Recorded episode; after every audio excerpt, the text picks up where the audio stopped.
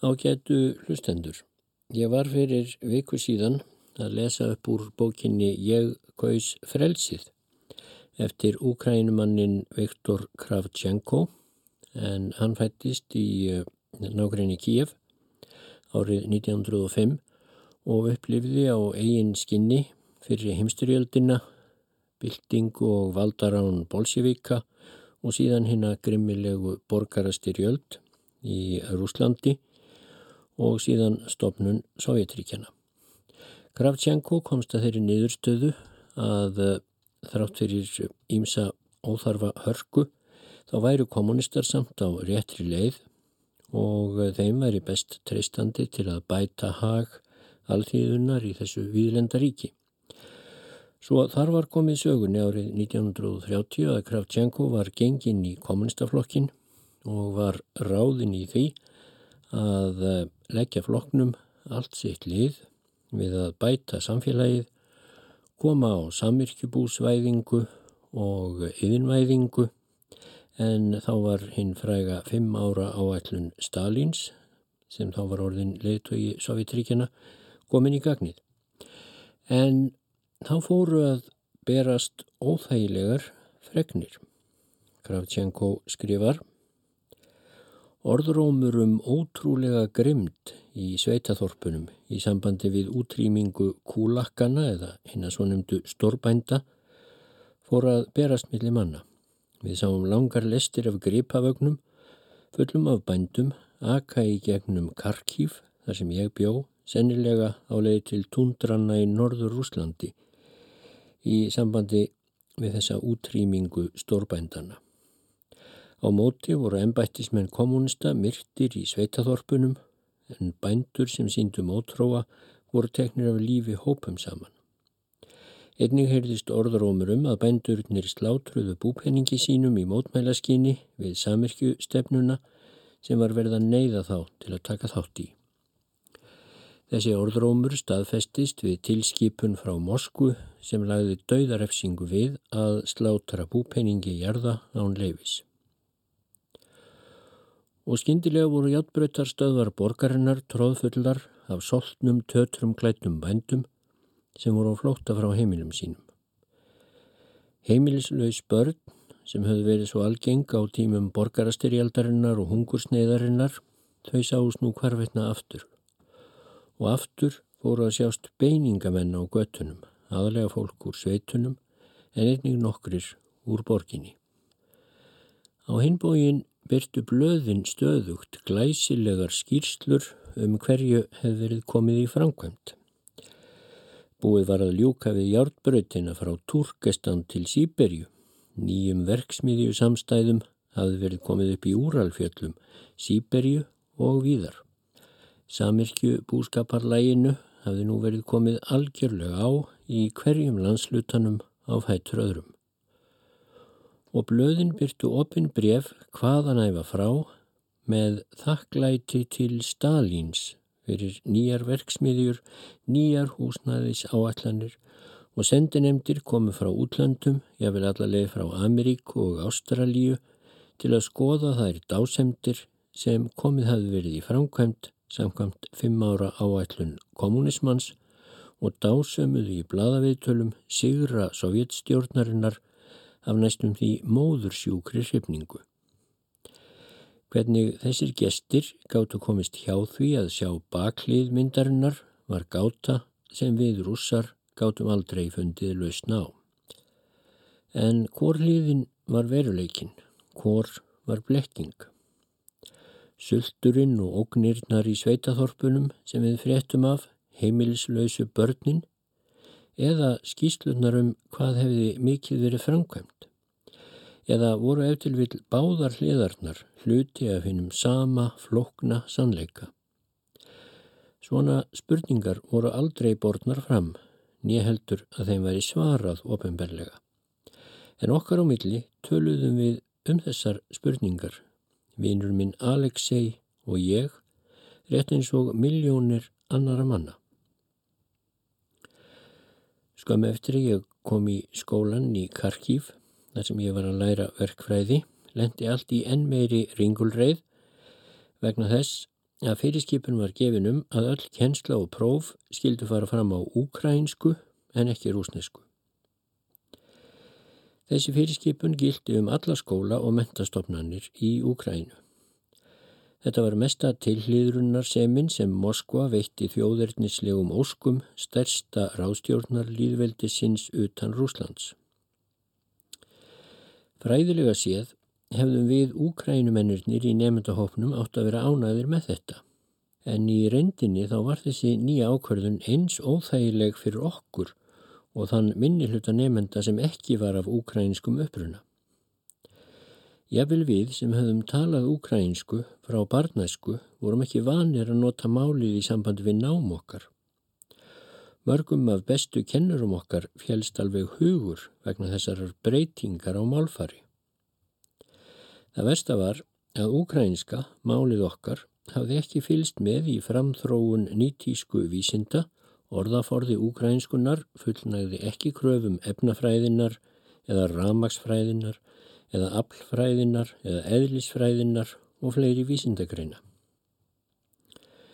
Veslings Vanja, skólafélagi minn, sem var villur ráfandi í myrkviði þekkingarinnar á hvaða máli sem var, hann var nú algjörlega hjálparvana þegar þessi mikli mála stormur gekk yfir og hundruðum annara nefnda var ekki betur farið.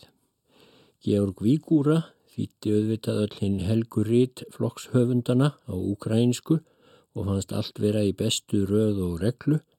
Í hans augum höfðu yfirvöldin alltaf rétt fyrir sér sama hvað þau sögðu. En við hinnir þjáðumst undir hinnir nýja fargi notuðum leynilega rúsneskar kjenslubækur, gerðum leynilega gísa þessum þjóðverðnislega skrýpaleik, þótt vera eitt í þáu okkar úkrænumanna. Það sem hefði átt að vera frjálsréttindi varð skilda þegar svona var farið að. Notkun málsokkar var ekki aðeins lefið, heldur var gert að skildu að nota það við hvaða tækifæri sem var. Hundruðum manna og hvenna sem gátt ekki uppfyllt þessa skildu var sagt upp stöðum sínum hjá ríkinu. Það var næstum því álitið bera vottum gagnbildingar hugarfar að tala annað en úkrænsku. Börn frá rúsneskum heimilum þjáðust vegna þessa fyrirkomulags og dróðust aftur úr í náminu vegna þess að þau kunnu úkrænsku ekki nógu vel. Að lokum varðu auðvitað að láta af öllum þessum öfgum en þá tóku við öfgar í aðra átt. Úkrænska þjóðurinnskendin sem spratt upp af þessum öfgum var nútalinn glæpsamleg og refsað fyrir hana með útlegð eða dauða. Gamli bolsjevíkin Skripnik, mentamálar á þeirra Úkrænu, var látin taka á sig ábyrðina á þessum umskiptum og hann neittist til að fremja sjálfsmorð vegna þessa og annara hugmyndafræðilegra glæpa eins og það var orðað. En á meðan þessi sorglegi skrýpaleikur stóði yfir var ekki leift að gaggrínan og kvöld eitt komum við fimm herbergisfélagarnir heim eftir að hafa hlustað á ræðu félaga Skripniks um blessun þessarar málbreytingar. Rétt síni mannsins og gáfur hafðu haft áhrif á okkur þó við værum í vafa um hvort svona róttæk málstefna væri vitturleg. Eftir vil hefur hann rétt fyrir sér, saði Vanja, en ég get bókstaflega ekki lert neitt á úkrænsku. Það er nógu erfitt að læra á rúsnesku. Þú hefur ekki leifi til að tala svona, saði Víkur á hristi áhyggjufullur höfuðið. Flokkurinn álítur þetta nöðsynlegt og það er skilda okkar að fara æfinlega eftir fyrirskipunum flokksins. Svona formlegar gælur eru óskinsamlegar, sagði Alexei, vinnur minn. Þú gerir flokknum ekkert gagn með því að hætta að hugsa. Þessi öfgafulla málstefna skadar málstað okkar í stað þess að koma okkur úkrænumannum að gagni. Þegar á allt er litið þá sjáum við árangurinn að vinni skýrar en stjórnmálanemdin í Kreml. Alexei hefur rétt fyrir sér, sagði ég. Þetta er allt saman mjög heimskulegt, menn ætti að hafa leifi til að mæla á því máli sem þeim finnst þægilegast. Nú er þú að ráðast á Kreml, rópaði Vígúra. Auðvitað er þetta mál til líkt að leitt og ég rökraði það ekki meir. Flokkurinn hefur rétt fyrir sér. Þar eða við heldum áfram að ræða ástandið og létum í ljós vonum að breytingir þið gerða á þessu. Þá strunsaði víkúra leiðar sinnar, bálreiður. Næsta dag vorum við Alexei kallaðir til reytara flokksnefndarinnar. Hann byrjaði á að tala um annað en vek þó bráðlega máli sínu að þessu efni. Hann sagði að sér hefði skilist að við hefðum verið að gaggrína það og komið á stað evasemdum hjá mannum. Víkúra, vinur okkar, hafði bersýnilega kert okkur. Þegar hann kom heim frá miðdegisverðið þennan dag býðum við hans allir fjórir. Vanja áarpaðan fyrstur. Georg, sagðan, þú getur hjálpað okkur til að útkljá ágreiningsmál. Þú ert kunnugur biblíunni, er ekki svo? Jú, það er ég, sagði Georg Víkúra. Segðu okkur þá hver marga síni nói átti og hvað þeir héttu. Þrjá síni sagði hinn fróði víkúra sem kam og jafett. Nei, þetta er skakt hjá þér, sagði Vanja í alvarlegum hæðnist tón. Þeir voru að vísu þrýr, en þeir héttu sem kam og jútas. Ég vona að þú skiljir.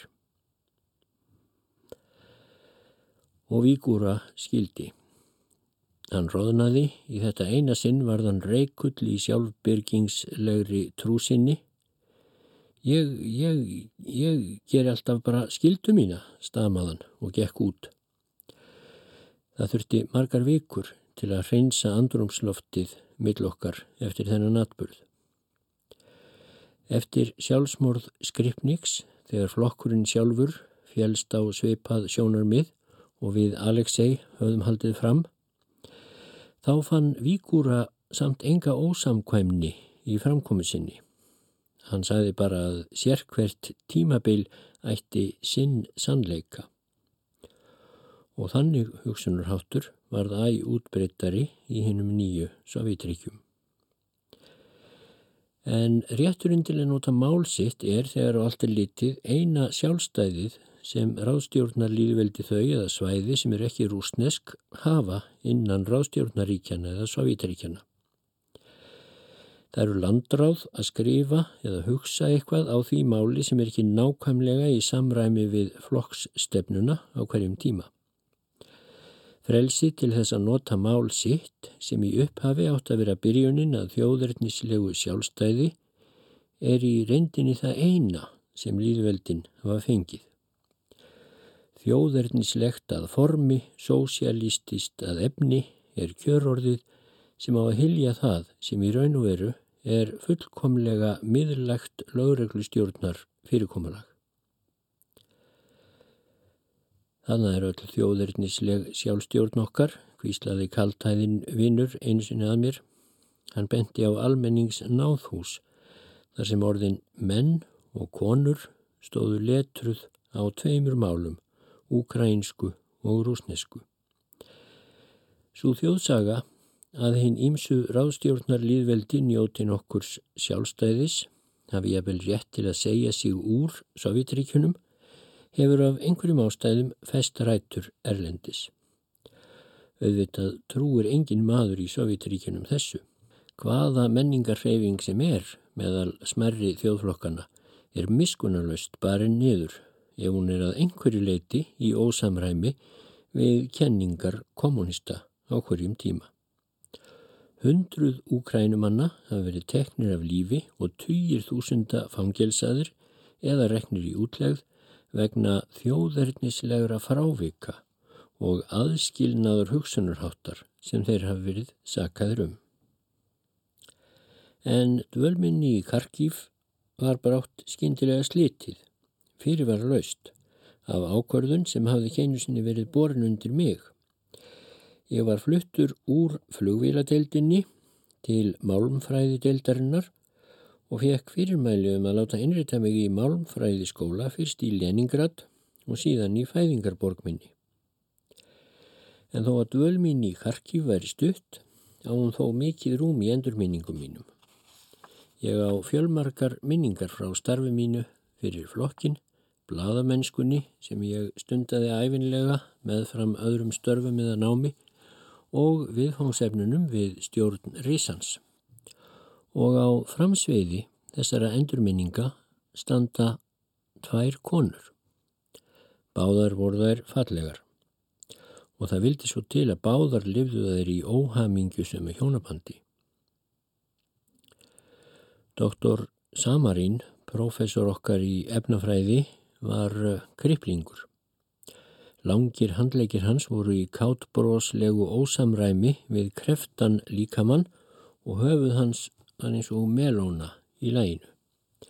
En augu hans voru svo blíð og gáfuleg, skilningur hans svo skarpur og samúð hans með mönnunum svo sann að nefendurnir glemdu fljótt þessum vanskapnaði hans. Ég hlakkaði alltaf til að hlusta á fyrirlestra samarins. Dagn okkur bauði ég honum til miðdegisverðar með okkur félagunum í eh, risanum. Ég gekk með honum í gegnum herbergin og dvalarstofurnar og hann var hrifin af hreinlætinu og regluseminni hjá okkur. Að loknum miðdegisverði sagðan, vitja, þér verðið að koma fljóðlegi heimsók til mín. Komið heim til mín, konan mín spilar ákveldi á piano og ég veit að þér hafið gaman af hljómlist. Samarín fjölskyldan bjó í íbúð með smekklegum húsgögnum og uh, fylgti stór flíill mikinn hluta dagstofunar. Á vegginum voru myndir af rúsnesku gullaldarrituvundunum og eir líkneski af Beethoven stóð á stalli í einu horninu. Þetta fyrsta kvöld sá ég Kládíu, ekki aðeins með mínum eigin augum, heldur líka með augum eiginmanns hennar. Ást hans á þessari grönnu, dökkhærðu konu var næstum áþreifanleg í stofunni. Það var eins og fegurð hennar drægi úr vanskapnaði hans og gerði hann heilbreyðan. Töfrar hennar og ólýsanlegur dapurleiki hafði svo mikil áhrif á mig að hjá mér vaknaði eins konar sektartilfinning sem dró úr ánægjuminni af hljómlistinni og viðræðunum við þau hjón. Ég fann upp einhverja afsökun til þess að fara að snemma heim. Nokkrum dögum setna var ég úti á gangi í lokndrífu og stóð þá allt í einu augliti til auglitis við Kládíu. Þér hlöpuð hart um kvöldið, sagði hún strax og hún sá mig, án þess að helsa einu sinni. Í refsingarskyni fyrir það verði þér að heimsækja mig í kvöld, þér verðið að lofa því. Ég meinti þess að þið er komið. Ég var ákveðin í að fara ekki þángað, en samt sem áður ringdi ég nokkrum klukkustundum setna dýrabjöllu hennar. Á borðinu í borstofunni hafði verið framreitt handa tveimur. En hvað er doktor Samarín, spurði ég og varð allt í einu ringlaður. Mér fannst ég hafi verið leittur í gildru, ekki af kláttíu, heldur af eigin tilfinningum. Hann er í heimsókni á bróður sínum sem býr upp í sveit, ekki langt hérðan, sagði Kláttíja. Hann kemur ekki heim fyrir nettir nokkra daga. Viðræður okkar við kvöldverðarborðið gengur skrikkjótt þrátt fyrir flösku af góðu víni frá Kákasus. Þegar við höfðum matast stakk ég upp á því að við gengjum saman út í gardinum í tunglskinninu. Nei, kæri fangi, sagði hún hlægandi. Ef yður langar í tunglskinn, þá er hér tunglskins sónatan. Og hún spilaði svo sónatuna á flíilinn. Því næst spilaði hún og söng tatarasöngva og myndi ég eftir mörgum þeirra frá benskuminni í Aleksandrovsk. Ég sagði henni frá benskuminni og við náttu við sætimann Ég satt allan tíman stífur í stóra hægindastólnum sem maðurinn hennar hafði reyndar setið í fyrsta kvöldið. Mér fannst þessi stól vera víi til sjálfsvarnar. Allt í einu, næstum því í miðri setningu, lísti ég yfir að ég þurfti að fara. Hún horfið á mig með dapurlegu brosi. Þér ætlið aftur að hlaupast á brott, sagði hún, en í þetta skipti verður yður ekki liftað. Mér þykir fyrir því um, leksíunar mínar. Ég lofaði Aljosja að ég skildi koma. Þér ljúið, kæri vittja, það er ég vissum. Við skulum tala hreinskilnislega um þetta. Hvers vegna ætti ég ekki hafa leifi til að vera eina kvöldstund með einhverjum? Ég meina einhverjum sem er líkari sjálfri mér. Allt í einu ljómaður rött hennar af nýðurbældum gráti. Ég settist aftur. Hún sagði mér kapla úr æfisögu sinni og meðan hún var að tala hvarf hinn þvingaða tilfinning sem hafi skilið okkur að. Mér fannst hún ekki verið annað en óhæmingjusum stúlka sem létti af hjarta sínu. Kládía var nýjára gömul þegar byltingin hófst. Hún var komin af efnuðu fólki og var alin upp af engakennurum og kennslukonum. Á fyrstu mánuðum uppreysnarinnar voru foreldrar hennar handteknir og nokkuri setna teknir af lífi þegar burgeisa gíslum var slátrað hópum saman af henni nýju stjórn Bolsjevíka.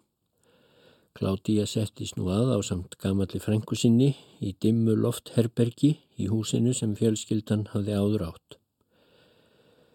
Það er lifðu henni hörmulegu og hálf ólöglegu tilveru hinna fyrverandi réttleisingjana sem sviftir höfðu verið öllu.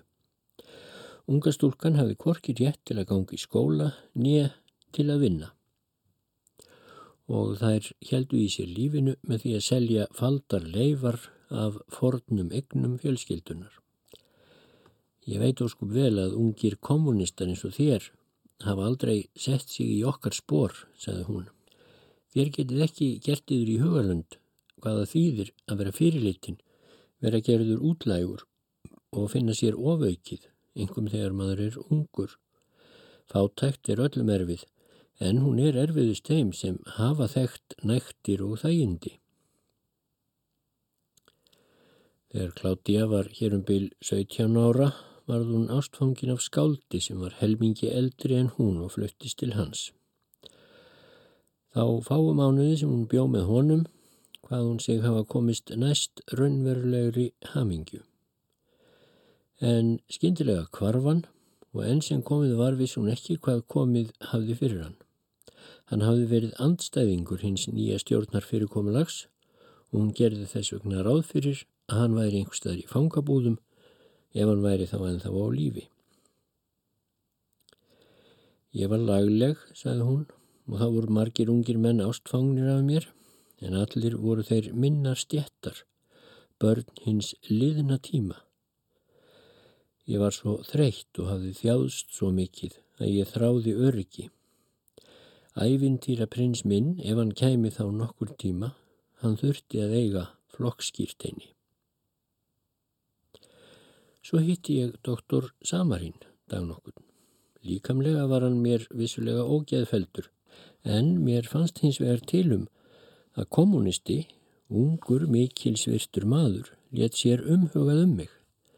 Hann elskaði mig álengdar, innilegri óttablandin í ást. Ég var vissulega hrætt við hann og þó dróst ég samtímis á honum vegna hinnar miklu tryggðar hans við mig. En umfram allt var ég honum þakklátt fyrir góðvildans. Við frænka mínurðum sammála um að hann hefði fagra sál þótt hann væri kommunisti og líka þótt hann væri greiplingur. Ég er rættum að Veslings frænka mín hafi álitið þetta kortveggja jafnmikla vannsköpun, ef svo má segja. Í meira en ár heimsóttan okkur, færð okkur mat og klæðnað og kendi mér án þess að minnast einu orði á tilfinningar sínar gagvart mér. Hún tókst jáfnvel að útvega mér piano. Svo var það eitt daginn meðan ég lék eitt af uppóhalds lögunum hans eftir Tchaikovski að ég sagði við hann. Ég veit, Samarín, að þér elskið mig. Ég elska yður ekki, en ég dáist að yður og ég þarnast verndariðar og vináttu. Hvers vegna ættu við þá ekki að giftast? Hann satar eins og þrjumulostinn, hamingjusamur, vantrúaður, en líka sniftur. Ég held hann hafi vitað sannleikan, þótt hann vikjónum úr meðvitund sinni. Þann sannleika að kona sem hafi lifað sitt fegursta, útlægi, barn fortíðarinnar, játaðist honum af einskjæri örvæntingu. Þannig getur þér séð vittja, saði Klátti við mig, hversu lítið í raun og veru þið vitið þessir gáfuðu kommunistar og hversu lítið þið þekkið lífið. Þér vitið ekki hversu margar þúsundir rúsneskra kvenna sem stjakað hefur verið til hlýðar og sneitt hefur verið hjá vegna ætternis þeirra hafa leitað frelsis með því að gifta sig inn í hinn að nýju höfðingjastjett, stjett kommunistana og öreigana. Sumar þeirra hafa eflaust orðið hamingjusamar. Ég er ekki eini í þeirra hópi. Ég get ekki glimt eða fyrirgefið þeim sem drápu það fólk og eigðirlögðu alla þá hluti og allt það líf sem mér þótti venstum. Menn eins og ég eru innmanna, það held ég sé það versta, innmannaleikin, við látum fylgjast með. Í huganum lífum við leinilegu lífi, ég hef reynd að vera starfsöm, einu sinni bauðist ég til að kenna hljómlist í skólanum Yfirvöldin virtust hafa áhuga því þanga til ég fylgti út spurningar eðublaðið og gerði uppskátt að ég var barn fortíðarinnar eins og það er kallað. Það var komið fram yfir miðnætti þegar ég fór. Við skulum skiljast sem vinir, vitja, sagði hún í dýrunum. Hér meðið ekki hugsa íld um mig, ég er óhamingisum og sé ekkert framundan nema endalöysan einmannaleika, komið og lítið til okkar þegar doktor Samarinn er komin heim. Hann er góður kennari og ég veit hversu mjög þér dáist að honum. Ég bar þó of mikla virðingu fyrir doktor Samarinn sem kennara og manni til að vilja raska aftur heimilislífi hans. Ég kom hins vegar einstakar sinnum í heimsókn til félaga F, ukrainsks embættismanns, sem gengdi mikilvægri stöðu í ráðuneyti eftirlits með verkamennum og bændum. Félagi F var gamal flokksmaður, hátt á 60 aldri, vel mentaður og hafði haft persónlegi kynni af flestum hinnum miklu byltingar fóringjum. Hann þúaði Lenín, Trotski, Lunatjarski, Sinovjef og fleiri þess áttar menn sem allir þekktu í hennum nýju Sovjetríkjum. Og konan hans var gráhærð og blíðilegi í útleiti, hún myndi mig alltaf á Krupskæju, ekki Lenins. Þegar við vorum þrjú saman, þá gæti félagi F ekki á sér settið að ræða um stjórnmál. Stundum byrjuðu við eftir vill að tala um leikúsið, nýja bók, námið mitt en brátt snerist talið upp í umræður um erfiðleika landbúnaðarins, ofsóknirnar gegn gömlu félögum hans sem þá voru hafnar af fullum krafti og hraða yðnvæðingarinnar. Hugsanir sem annars hefðu skellt mig fundust mér á einhvern nátt eðlilegar og sannar þegar hann rétt þær í ljós. Og frásagnir sem ég myndi annars hafa vísað á bug sem gagnbildingar slúðri og áróðri rætti hann stundum um sem viðurkendar staðrindir. Vegna starfsins í ráðuneytinu þekkti hann og talaði um hriðjuverk í sveitaþorpunum, um mótstöðu bændana við samverkjuvæðingunni og fjöldahandtökur, eins og þetta væri bara alþektar staðrindir. Hvað sem öðru líður, þá var félagi F óvart ábyrgur fyrir því að ég heitti Júliu. Hann gaf mér nefnilega tvo aðgöngumiða að stúku í söngleikjahúsinu á síningu söngleiksins Chio Chio San. Ég tók vinn minn Alexei Karnákov með mér. Í stúkunni við hliðina sáttu tvær velklettar og mjög fagrar konur. Ég þekkti aðraðira undir eins. Hún hafi verið sjúklingur á heilsuhæli því í Kíjaf sem ég hefði aldrei stá meðan ég var að ná mér eftir óhapp mitt við persnesku landamærin. Þetta er Júlia Mikhailovna, kona R's, hvíslaði ég að félaga mínum. R, rópaði hann. Upprópun hans var ekki ástæðu laus. R var einn af þýðingarmestu embættismannunum í stjórn Úkrænu, ákaflega valdamikill maður og náinn samstarfsmaður Stalins. Það vissum við. Ég myndist þess að hann var vanur að senda konu sinni reglulega blóm með flugvél meðan hún dvaldist í Kíef. Júlia þekkti mig auksínlega og veifaði til okkar að við skildum koma til hennar á milli þáttar. En hvað hún er fögur, hugsaði ég. Hvers vegna tók ég ekki eftir því fyrir þremur árum í Kíef? Hvílikur heimskingi hef ég verið. Meðan á þættinum stóð, lítum við nokkrum sinnum, hvort til annars, og hún brosti til mín með svo fölskvalauðsri gleði yfir því að við skildum hittast að ég ráðnaði og ég gerði vissulega enga tilraun til að leina að dán minni. Söngleikurinn var ákaflega leiðinlegur. Honum hafði verið breytt til þess að hann væri síningarhæfur frá hugmyndafræðilegu sjónarmiði og var hann því fullur af orðagjálfri byltingarinnar. En á meðan mér endist aldur mun hvert einasta söngljóð úr honum næja til að endur lífga minninguna um ást mína á Júliu. Júlia var meðalhá, dálítið eldri en ég, en það var eitthvað við hinn að hillandi fegur hennar sem myndi á ávöxt. Gullið hár hennar var fléttað í tvær gildar fléttur sem bundnar voru upp á höfðinu eins og kóróna og myndiðu gjörð úr skýru gulli umhverfis indislegt andlitið. Þegar tjaldið fjall fórum við inn í stúku hennar.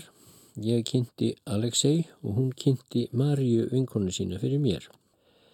Við sögðum öll þau almennu orðatiltæki sem venjan er að segja við kunningja sem maður þekkir ekki nema lítið eitt. En það var einhvers konar óró yfir þessum fundi, einhver sérstök eftirvænting sem stóði ekki neinu sambandi við það sem talað var um.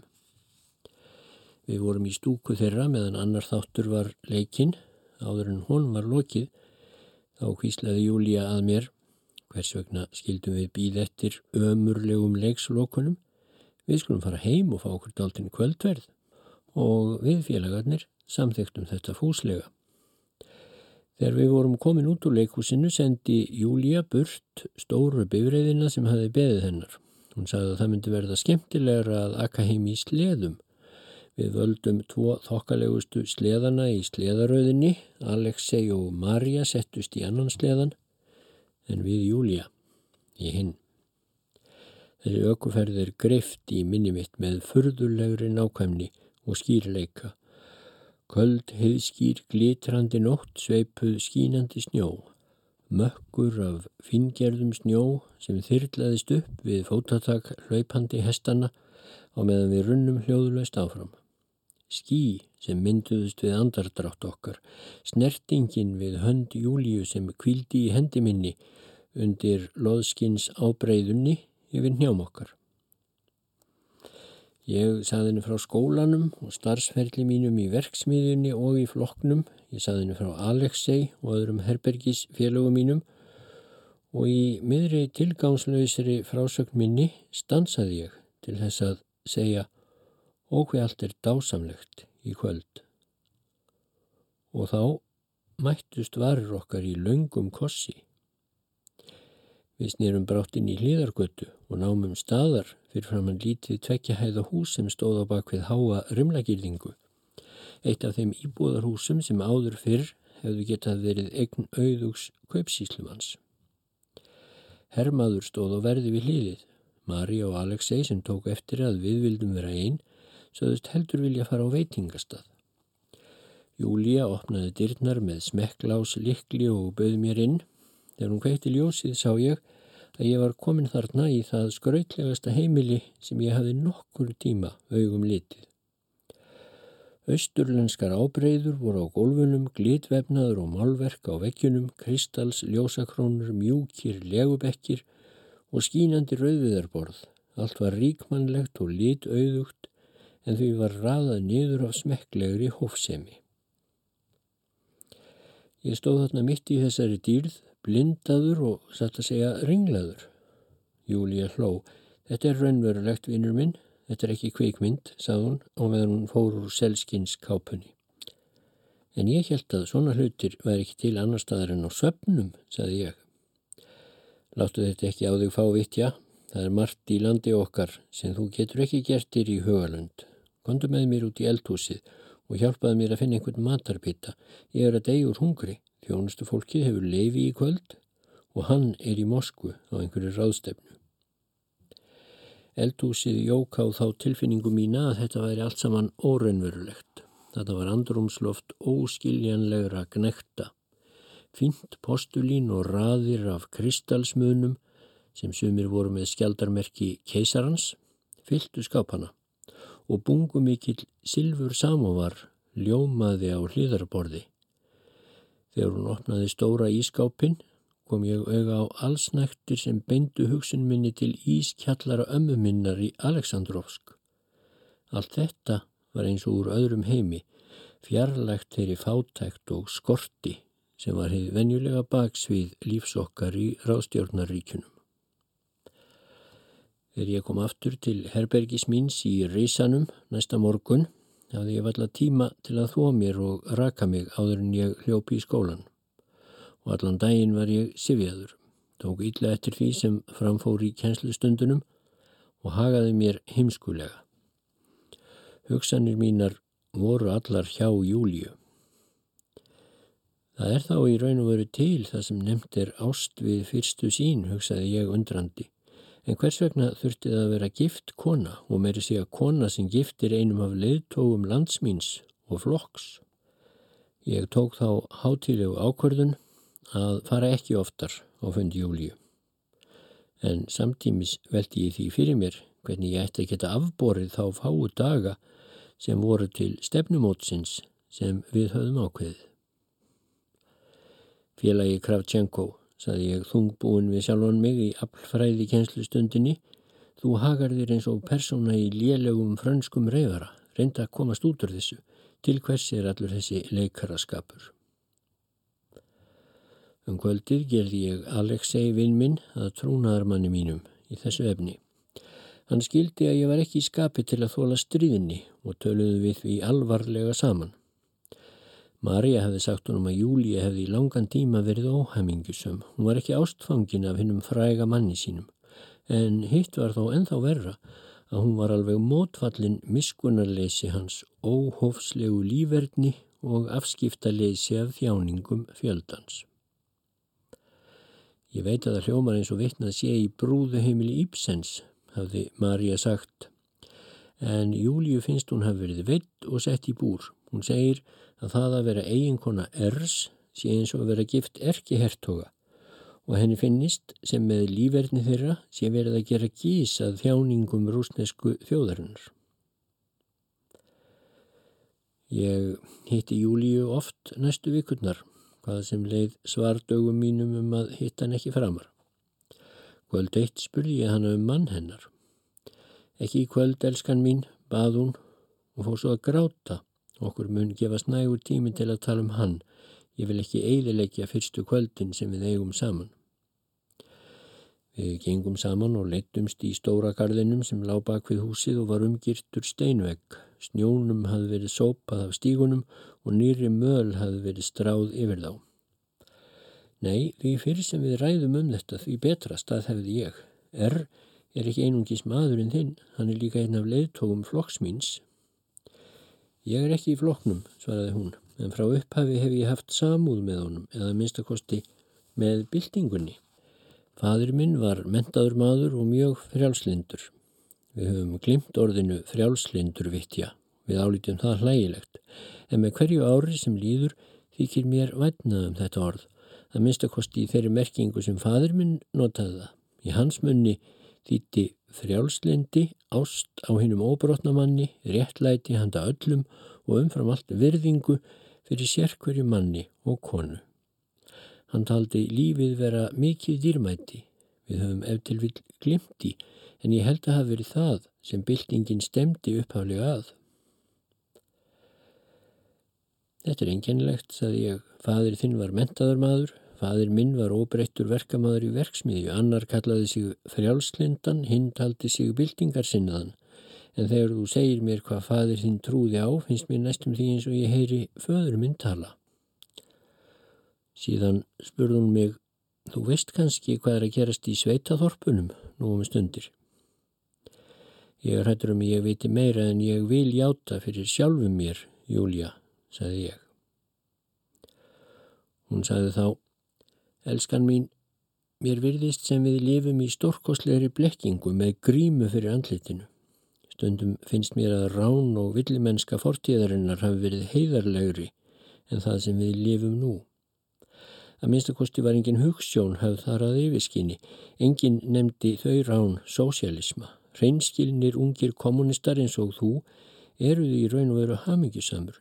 Þið eigið ennþá trú og þið þekkið ekki hinn viðbjöðuslegu undirferli og innví upp á líf og dauða um völdin meðal hinn að æðstu leittoga. Þið vitið ekki hversu ógeðslegar orustur eru háðar til þess að fá umráði við sveitasetri í silfurskóunum fyrir utan Moskvu eða vetrarbústað í Kákasus sem einhver auðugur kaupsíslumadur átti áður. Það er allt og mikið um lígar og svik. Jafnvel fyrstu hjúskaparár mín gramdist mér hvernig err og hinn er valda miklu vinir hans livðu, hvernig þeir töluðu og hvernig þeir fyrirlitu það fólk sem stritaði til þess að þeir getur lifað óhófs lífi Frá upphafi hefur mér fundist ég vera ánauðugur þræll á óðali voldugsmanns. En hvers vegna yfirgefur þú þá ekki mannðinn? spurði ég. Færðir atvinnu og lifir fyrir hugssjónir þínar. Ég elska þig og ég held að þú elskir mig. Hvað ætti að geta tálmað okkur? Nei, veit ég að þetta er ekki eins einfalt og þú heldur. Ég veit margt sem þú hefur ekki hugmyndum. Það er ekki auðvelt að vera kona í minni stöðu. Ég get bókstaflega ekki skilið við mann minn og horfið eh, niður í hópina óþægtu. Ég hef verið of nálagt þeim mannum sem fara með völdin og þeir myndi ekki leifa það. Ég byrði um að krefjast þess ekki að ég segi meira um þá hluti. Ef þú elskar mig, mynd þú ekki neyta þessari bónminni. Þetta er hér eina sem ég byrði um. Öll þessi veröld ótakmarkaðs valds og ótakmarkaðara undirferðla sem hún átti við var mér óskiljanlegu lindardómur. Venjulegur russi sem hefði á fyrir tíð orðið ástfangin af konu úr keisarafjölskyldunni hefði vafalust haft líkar tilfinningar og ég. Þegar maður Júliu var komin heim frá Moskvu hitti ég hana ofta á heimili Marju vinkonu hennar. Mér var það ljóst að maður hennar vissi að hún fór sínir einn göttur en lokaði augunum fyrir þeirri staðrind. Við rættum einu sinni um það að lifa ofinberlega saman eins og hjón en hvorut okkar trúði því að við gætum raunverulega gert það. Nafn Ers stóð ofoft í blöðunum. Stundum hafðan haldi ræðu, stundum hafðan ritað undir tilskipun. Nafn hans var líka íðurlega nefnt í viðræðum. R saði þetta, R saði hitt. Áberandi staða hans, vald hans og nálægð hans allstaðar voru eins og jafnmargir múrar sem skildu okkur Júliu að, jafnvel á þeim stundum þegar hún lág í faðmi mínum. Brátt beindist atbyrðarásinn inn á nýja braut. Ég var bóðaður til miðstjórnar flokksins, yfirmaður starfsmannadeildarinnar, félagi Sjúlkin, tók á móti mér. Félagi Kravtjanko tilkynntan mér, samkvæmt ákvörðun flokksins höfðu við fengið fyrirskipanur um að koma á meira samræmi millir mentunar verkfræðinga og fyrri starfsemið þeirra. Þér unnuð í málmvöru verksmiðju áður en þér komið í skólan, var ekki svo? Jú, ég vann í Petrovski Lenin verksmiðjunni. Þannig sér maður það. Hvaða vitir ég að menta yður til að byggja flugvílar þegar þér hafið fengið svona góða undirstöðu mentun í málmvöru yðnaðinum? En ég hef nú satt að segja meiri áhuga á flugvílunum, sagði ég hæglátlega. Það kann vel að vera, en þér verða að játa að það er aðeins persónleg afstæða. Svo bætt hann við og snýri sér til rittarsins. Viljið þér sjá um að félagi Kravtjenko verði fluttur í Malmfræðiskólan í Dnjepro-Petrovsk. Ég reikaði um í skemmtigarðunum í margar klukkustundir án þess að skipta mér af leysingar ófærð hins seinborna vors þetta ár. Hvernig gætt flokkurinn vita að það voru ekki flugvélar eða malmfræði sem skiptu máli heldur júlía eða lífið án hennar? Það var ekki fyrir en laungu setna sem ég dætt í hug að flokkurinn, eða minnst að kosti einhverjir menn í flokknum, kynnu einmitt að hafa vitað. Samt sem áður virtist mér flokks samþyktin algjörlega réttmætt og rökrétt. Ég sagði Júliu fréttinnar í síma, við hittumst nokkrum sinnum áður en ég fór. Það voru ofsaleg, tármild stefnumót. Ég grátt baðanum að koma með mér hverja svo sem afleiðingarnar kynnu að verða. Stundum held ég að hún væri að því komin að láta undan og ætlaði í raun og vera að koma með mér. En hvaða þvingun sem hún kann að hafa verið beitt, þá var hún að minnstakosti sterkar en svo að ég geti brótiða niður.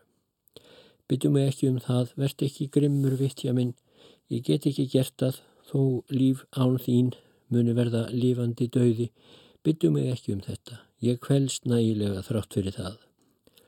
Kvöldið áður en ég fór gekk ég klukkustundum saman um götur Karkív með Alexei vinni mínum. Hann lofaði mér því að hann skildi skrifa mér fréttir af Júliu. Ég var ákveðin í að láta hann að koma til mín, ef ekki bráðlega, þá minnstu kosti þegar ég hefði lokið námi og hefði efni á því að kvænast. Júlia, Marja og herbergisfélagar mínir hvettu mig á Jóttbrutarstöðinni næsta morgun. Tárin streymdu niður kinnar Júliu en hinn öll letu sem þau sæðu ekki.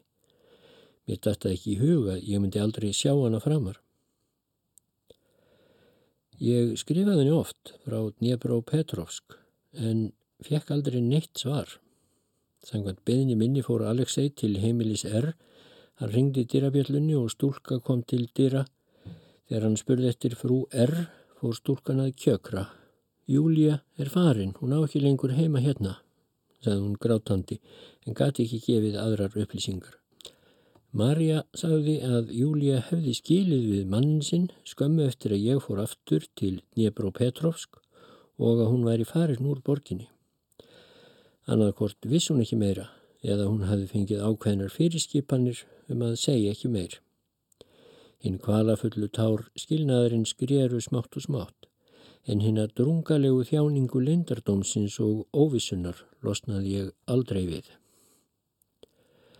Einu sinni Mörgum árum setna heyrði ég ávæning um að Júlia Mikhailovna hefði tekið upp nýtt nafn og verið kennari við skóla í fjarlægu héradi en ég gæti ekki sannprófað hvort þetta væri satt eða ekki.